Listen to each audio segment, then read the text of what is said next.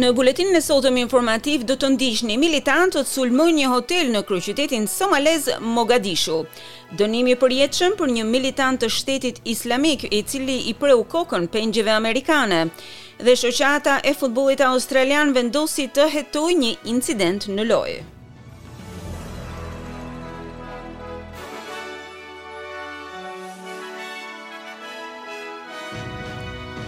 Fillojmë më gjërësisht me lajmet. Sulmuesit e armatosur nga grupi militant Al-Shabaab vendosën dy makina me bomba jashtë një hoteli në kryeqytetin somalez Mogadishu, përpara se të hynin në ndërtesën e hotelit dhe të hapnin zjarr. Grupi lëshoi një deklaratë, duke thënë se po qëllonte drejt të gjithëve në hotelin Hayat. Forcat e armatosura shkëmbyen zjarr me militantët. Al-Shabab ka kohë që lufton për të rrëzuar qeverinë somaleze. Një person ka vdekur dhe një tjetër është në spital pas të shtënave në një qendër tregtare në Suedi. Blerësit në qendrën tregtare Emporia në qytetin jugor të Malmos raportuan se kishin dëgjuar rreth njëzet të shtëna me armë. Policia ka arrestuar një adoleshent në lidhje me ngjarjen.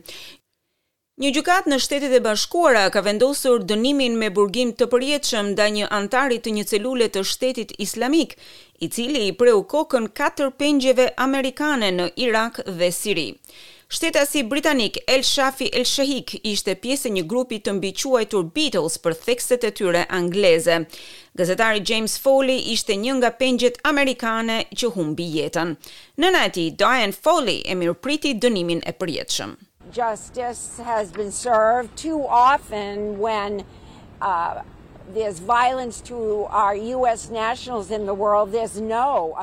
Drejtësia është vënë në vend, shumë shpesh kur ka dhunë ndaj shtetasve amerikanë në botë, nuk ka përgjegjësi. Kjo është një ditë shumë e rëndësishme dhe falë Departamentit të Drejtësisë, i cili punoi shumë në këtë drejtim e vazhdon të punojë për të marrë përgjigje rreth krimeve, i jam jashtëzakonisht mirënjohëse.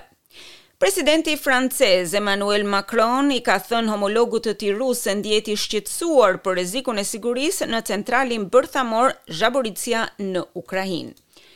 Zyra e tij thotë se Presidenti Putin ka rënë dakord të dërgojë një mision ekspertësh nga Agjencia Ndërkombëtare e Energjisë Atomike në vend. Operatori i termocentralit bërthamor të Ukrainës thotë se dyshon se Rusia po planifikon ta shkëputë termocentralin nga rrjeti energjetik i Ukrainës. Kremlini thotë se Putin ka thënë se bombardimi i zonës bërthamore të kontrolluar nga Rusia, për të cilën ai fajëson Ukrainën, krijon rrezikun e një katastrofe në shkallë të gjerë. Sekretari i Përgjithshëm i Kombeve të Bashkuara, Antonio Guterres, thotë se shpreson që bisedimet mes Rusisë dhe Ukrainës të shohin që objekti të kthehet nën kontrollin e civilëve. What is true is that if we demilitarize as we propose the plant the problem will be solved. Ajo që është e vërtetë është që nëse hiqet militarizimi i kësaj qendre, atëherë problemi do të zgjidhet dhe padyshim energjia elektrike do të ishte energji elektrike ukrainase, e cila është shumë e nevojshme, veçanërisht gjatë dimrit për popullin ukrainas. E presidenti ukrainas Volodymyr Zelensky ka është takuar me një delegacion të kryebashkiakëve europian në Kiev. Aty mori pjesë edhe kryebashkiaku i Shqipërisë Erion Veliaj.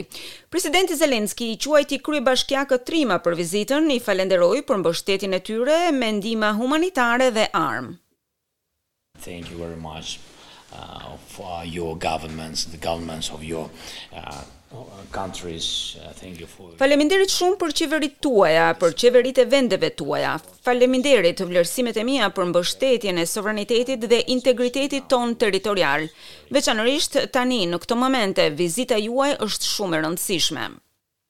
Kalojmë në lajme të tjera. Apple thotë se personat me iPhone, iPad dhe MacBook duhet të instalojnë një përditësim më të fundit, pasi ka zbuluar një defekt i cili i lejon hakerët të marrin kontrollin e plotë të këtyre pajisjeve. Defekti lejon që një ndërhyrës të imitojë pronarin e pajisjes dhe të kontrollojë të gjithë telefonin. Komentatorja e sigurisë kibernetike Lisa Plaggemier Thotë se të gjithë duhet të veprojnë shpejt për të mbrojtur veten. Well, I'd say that this vulnerability should be taken really seriously because it does it does give somebody full admin access without you even realizing. Kjo dobësi duhet marrë seriozisht sepse jep dikujt akses të plotë të administrimit të pajisjes, pa e kuptuar që një gjë e tillë po ndodh, pa klikuar mbi asgjë, pa patur nevojë të klikoni diku. Kështu është me të vërtetë shumë e rëndësishme që ta ekzekutoni menjëherë përditësimin e pajisjes suaj.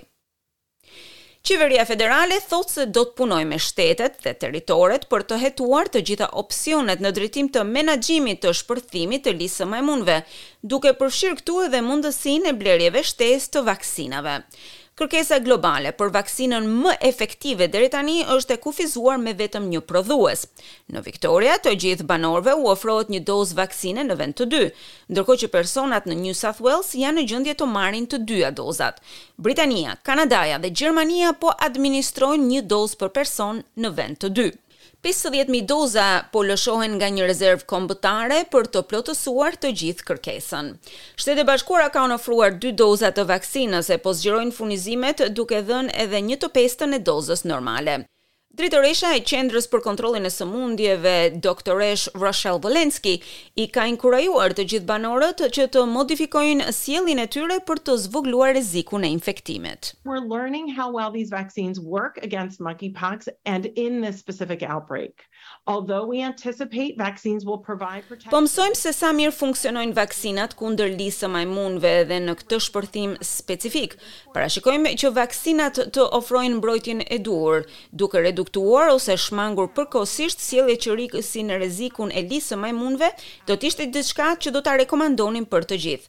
Ajo që dimë deri tani është që mbrojtja të jetë më e lartë pas dozës së dytë të vaksinës.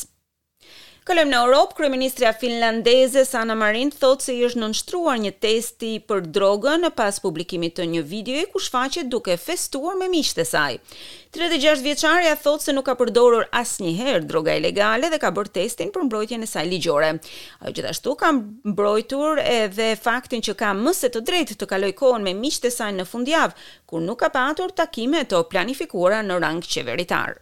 I didn't have any meetings, for example, Saturday or Sunday.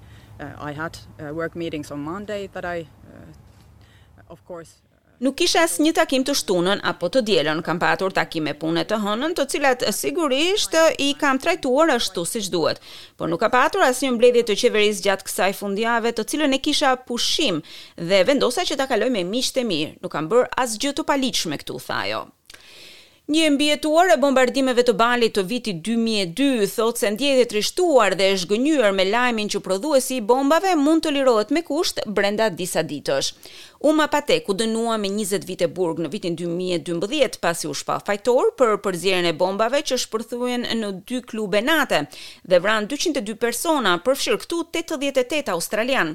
Patek ka të drejtë për lirim me kusht, sepse ka vuajtur dy të tretat e dënimit, por fati i tij do të vendoset nga Ministria e Drejtësisë indoneziane. Dyzet e tetë vjeçarja e mbijetuar Thiolina Marpang thotë se shpreson që atij t'i refuzohet lirimi me kusht. Saya sebagai penyintas merasa nggak senang aja mendengarkan dan. Si e mbijetuar nuk ndjehem e lumtur që e dëgjoj këtë lajm. Nuk dua të realizohet sepse mendoj se kanë humbur shumë jetë njerëzish prej tij.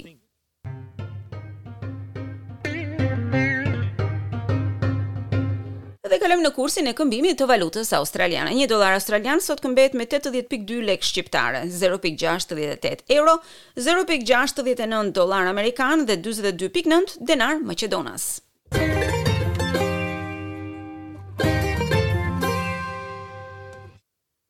Kalojmë tani në sport, në sportin australian, demonët e Melbourne-it i kanë kërkuar ligës që të hetojë një tallje në fushë, e cila ishte drejtuar kundër lojtarëve të tyre. Treneri i Melbourne-it Simon Goodwin pretendon se kapiteni i Brisbane Lions, Dayne Zorko, tha diçka të papërshtatshme për një anëtar të familjes së lojtarit të Melbourne-it Harrison Petty gjatë fitores së Melbourne-it ndaj Brisbane mbrëm. Petty ishte shumë i prekur dhe doli jashtë fushës. Shefi i futbollit të Brisbane Lions, Danny Daly, tha për Kanalin shtatë se nuk kishte asnjë vend për falje. I was alerted to an incident that happened by Alan Richardson, Melbourne's football manager at three-quarter time. Unë u lajmërova për një incident që ndodhi ndaj Alan Richardson, menaxherin e futbollit të Melbourne-it në kohën treçerekëshe. Tani lojtarët e përfshirë kanë patur të drejtën që të flasin. Ata i kanë kërkuar falje njëri-tjetrit. Unë i kam kërkuar falje klubit të futbollit të Melbourne-it menjëherë pas ndeshjes gjithashtu. Megjithatë, ne do ta hetojmë këtë çështje edhe më tej.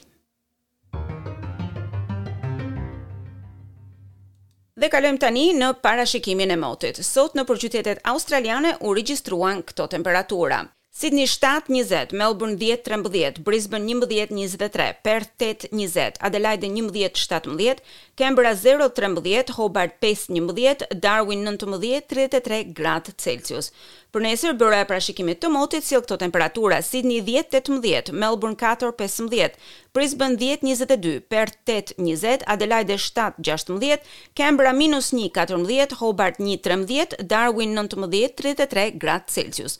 Ndoqët edicionin informativ.